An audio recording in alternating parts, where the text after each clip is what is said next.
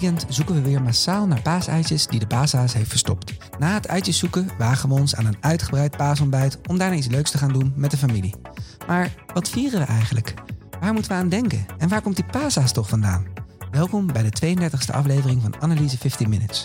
De podcast waarin een expert je in 15 minuten bijpraat over een onderwerp waar jij het fijne van wilt weten. Zodat je op kantoor, vanavond als je thuis komt of vannacht in de kroeg geen onzin praat. Ik ben je host Jerry Huinder en vandaag gaan we het hebben over Pasen. Daarvoor ben ik afgereisd naar Utrecht, waar ik plaats heb genomen tegenover Bernd Wallet, de onlangs nieuw gekozen aartsbisschop van de Oud-Katholieke Kerk. Dank je dat ik hier mag zijn, Bert. Leuk dat je er bent. Bernd, Pasen is een feest dat bijna iedereen op de hele wereld viert. Maar wat vieren we nou eigenlijk? Daar proberen we vandaag achter te komen. En mijn eerste vraag is dan: waarom moet ik daarvoor bij jou zijn? Voor ons is Pasen het belangrijkste feest. En we steden er heel veel tijd en aandacht aan om dat op een hele mooie manier te vieren elk jaar. Oké. En wat is het domste dat je ooit hebt gehoord over Pasen? Het domste kwam jaren terug uit uh, industrie en overheid ook wel. Um, om voor Pasen is een vast weekend te gaan plannen. Want het is een wisselende, wisselende datum, Pasen. En het is natuurlijk veel handiger, vanuit industrieel oogpunt gezien, om dat te zeggen van nou weet je wat, elk jaar op de tweede weekend van april uh, gaan, we, gaan we dat vieren. Maar in de feite uh, zit er, kan een maand verschil zitten tussen de, de paasdatum paasdata. Uh, en ik vind het heel belangrijk en, uh, dat dat zo blijft. Oké. Okay. Hey, en kan je in, een, in twee zinnen vertellen wat Pasen is en waarom dat dan ook mm, belangrijk is dat die data wisselen? Pasen is een lentefeest. Um, en uh, uh, Pasen um, heeft heel veel verschillende lagen. Dat is bij heel veel oude dingen natuurlijk zo. En zeker bij Pasen. Dus uh, christenen vieren op Pasen de opstanding van Jezus uit de dood. Dat is een ongehoord en uh, als je het zo in, in taal in, in een zin zegt, dan is het ook niet te begrijpen, zeg maar. Uh, daarom vieren we het ook. Overigens is het dan een feest wat we met heel veel symboliek uh, vieren. Maar het heeft alles te maken met lente. En in de lente Um, de bisschoppen in de vroege kerk hebben gezegd: we willen dit feest allemaal in alle landen op, dezelfde, op hetzelfde moment vieren. Um, en namelijk op de eerste zondag, na, na de eerste volle maan, na de lente-equinox. En de lente-equinox is de dag waarop uh, dag en nacht even lang zijn. Oké, okay. maar dat heeft dus niks te maken met, met, met, met oude geschriften, met de Bijbel, waarop toen stond van toen is dit ook gebeurd. Het heeft alles te maken met het ritme van het jaar. Dus um, en alle seizoenen, dus gek genoeg is het vaststellen van wanneer begint de lente en wanneer beginnen dus de andere seizoenen ook, is een bisschoppelijke beslissing. Dat zeg ik niet omdat ik nou bisschop ben geworden, maar ik vind het toch wel geinig. um, het is niet, uh, ja, is een beslis, beslissing uit de vierde eeuw. Nou, dan begint de lente. Um, het heeft niks te maken met, uh, inderdaad, met, met het, is een, het is een symbolisch gegeven. Wat is lente? Ja, Nee, wat, wat zegt, dat is een beeld, dat is, dat is haast poëtisch al. Hè? Het wordt lente, dat zegt meer dan. Uh, dan ja, dat is, dat, is, dat is een gevoel. Dat is natuurlijk, ah, uh, ik kan weer in, binnenkort weer in mijn t-shirt naar buiten. Het, het, het, het, het is licht, het is, leven is goed. Ja, dat, dat, dat, staat daar, dat is de basislijn eronder. En het oudste paasfeest, ook in de Bijbel, is een oogstfeest. Is een, echt een lentefeest. Het aanbieden van de eersteling van de oogst. De, de gerstenoogst werd aangeboden in het oude Israël. En uh, dat is het oude. En ons woord Pasen komt, ook, uh, komt er ook vandaan, trouwens, van, van uh, Pascha. Um, de eersteling van de oogst wordt aangeboden. Dat is de oudste lijn eigenlijk. Oké, okay. even terug. Pascha, zei je? Ja, dus um, dat is het, het, het Joodse paasfeest ligt onder het christelijke paasfeest. Is veel ouder. En de Joden vieren eigenlijk twee dingen tegelijk. Dus voor, voor de Joden is het een van de drie Bijbelse, grote Bijbelse feesten. Dat geldt nog steeds. Dus de Joodse gemeenschap in Nederland viert het ook op de 14e Nissan. Um, en uh, wat zij vieren is eigenlijk twee dingen. Het ene is dat oogstfeest, dus dat lentefeest. En het tweede wat zij vieren, dat is dat zij bevrijd zijn uit het slavenhuis van Egypte. Dus ze waren slaven in Egypte. Ze werden daar geknecht, ze werden daar door Farao onder de duim gehouden, uitgebuit. En op een gegeven moment zijn ze daaraan ontkomen, aan die slavernij.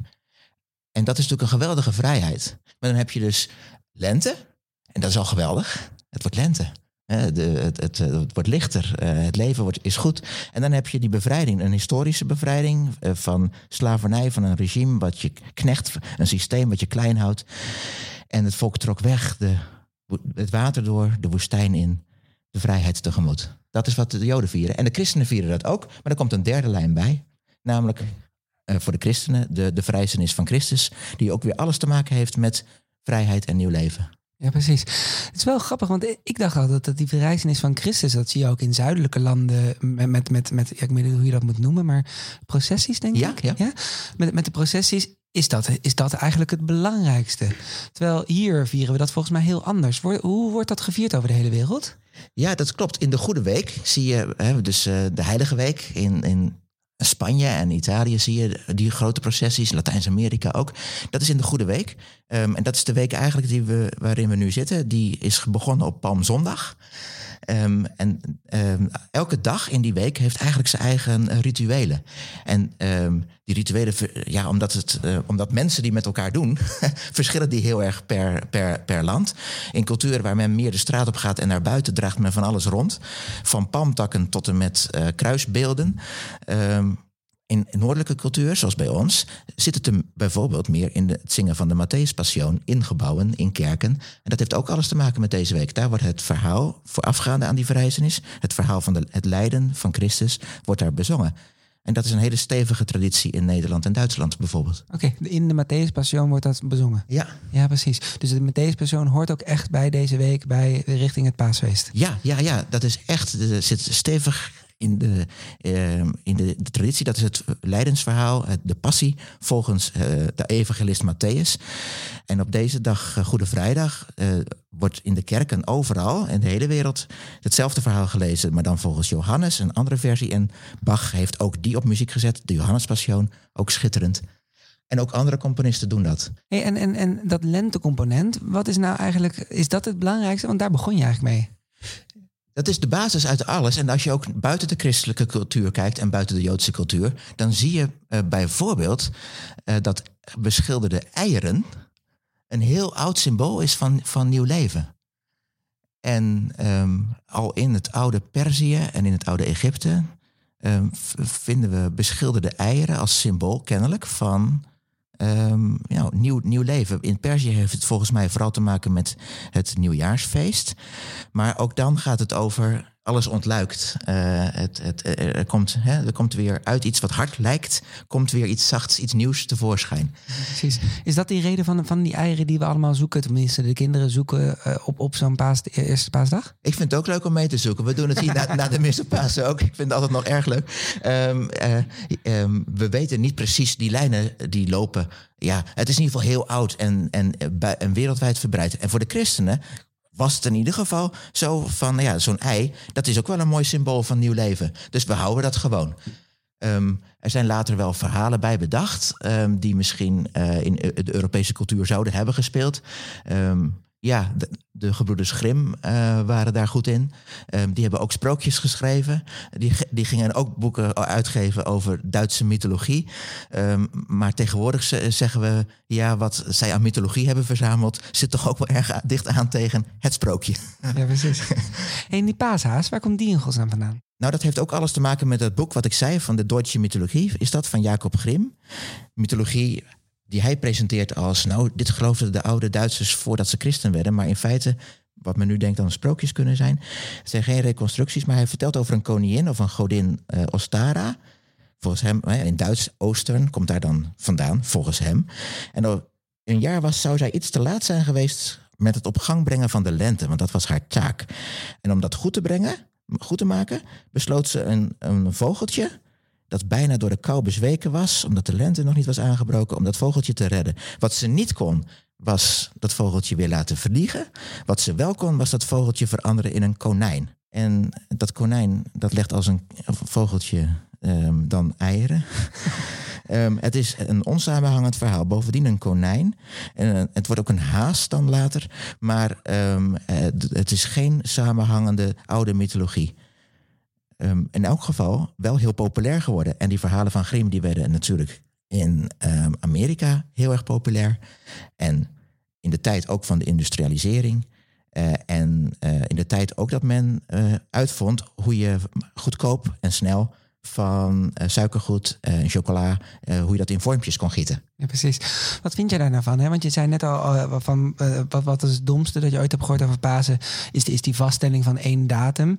Uh, dit is een verhaal eigenlijk vanuit een boek richting commercie is, er een paashaas bijgekomen. En, en dat is lekker makkelijk chocola van te maken. En dan hebben we ook nog chocolade-eieren. Nou, dat, dat is ook leuk voor de supermarkten. Wat vind je daar nou zelf van? Vind je dat afdoen aan het hele paasfeest? Of heb je zoiets van, ach, het hoort erbij, leuk, het maakt het, het gezellig? Ja, ik kan hier geen chocola van maken van die hele gebroeders Grimm versie. Ik, ik, dat ei vind ik hartstikke leuk. En als je, en als je kijkt naar bijvoorbeeld um, in de Oekraïne bijvoorbeeld, hoe schitterend ze daar de eieren beschilderen vandaag nog. Dat is hele kunst geworden. Um, als je dat ziet, dat, is van, dat vind ik fantastisch. Dat is nog inspirerende kunst. Prachtig. Ja, precies. En ik vind het hartstikke leuk. Eieren zoeken. Het hoort erbij. Het, het, het, staat, er, het staat er mooi omheen, zeg maar. Maar voor ons is, de, is Pasen op de paaswaken. Uh, dus dat is de avond uh, voor paaszondag. Als we dan allemaal met onze in de donker in het donkerte van de nacht staan met onze kaarsjes. Ja, ik bedoel, dat is zo ontroerend en zo krachtig en zoiets moois. En dat zie je bijvoorbeeld als je kijkt naar Griekenland. Daar doen de mensen dat buiten. En dan maken ze heel veel lawaai. En dan schreeuwen ze: Christus is verrezen. En uh, ja, dat is een volksfeest ook. En dat doen we hier in de, in de kerken, maar met evenveel uh, vreugde. Ja, precies. Hey, en um, de, de paasvuren, heb je enig idee waar die vandaan komen? Ja, dat doen wij ook hier, een paasvuur. Uh, voor de dienst, voor de viering op paas, in de paaswaken. Dus het is een christelijk gebruik. Uh, het is ook het oude verbranden. Het is ook uh, om, het, uh, om daaraan het nieuwe weer aan te steken. Dus wat wij hier doen is we verbranden oude palmtakken. We verbranden ja, gewoon hout natuurlijk en, en oude dingen. En, en daaraan ontsteken we het nieuwe licht. Um, dat zijn bescheiden vuren bij de kerk. En natuurlijk denken mensen, als je dat ziet, denk je, hé, hey, dit is mooi een graadje, um, een maatje groter, zou dit nog wel veel mooier zijn. dus dan zie je dat dat loskomt van de, van de viering. En um, zoals in Twente en zo, dan wordt, het, dan wordt het groter en groter. Maar het is wel een katholiek gebruik. Ja, zeker. Hey, en um, nog heel even terug naar, naar, naar de week voorafgaand aan Pasen. Het is vandaag Goede Vrijdag.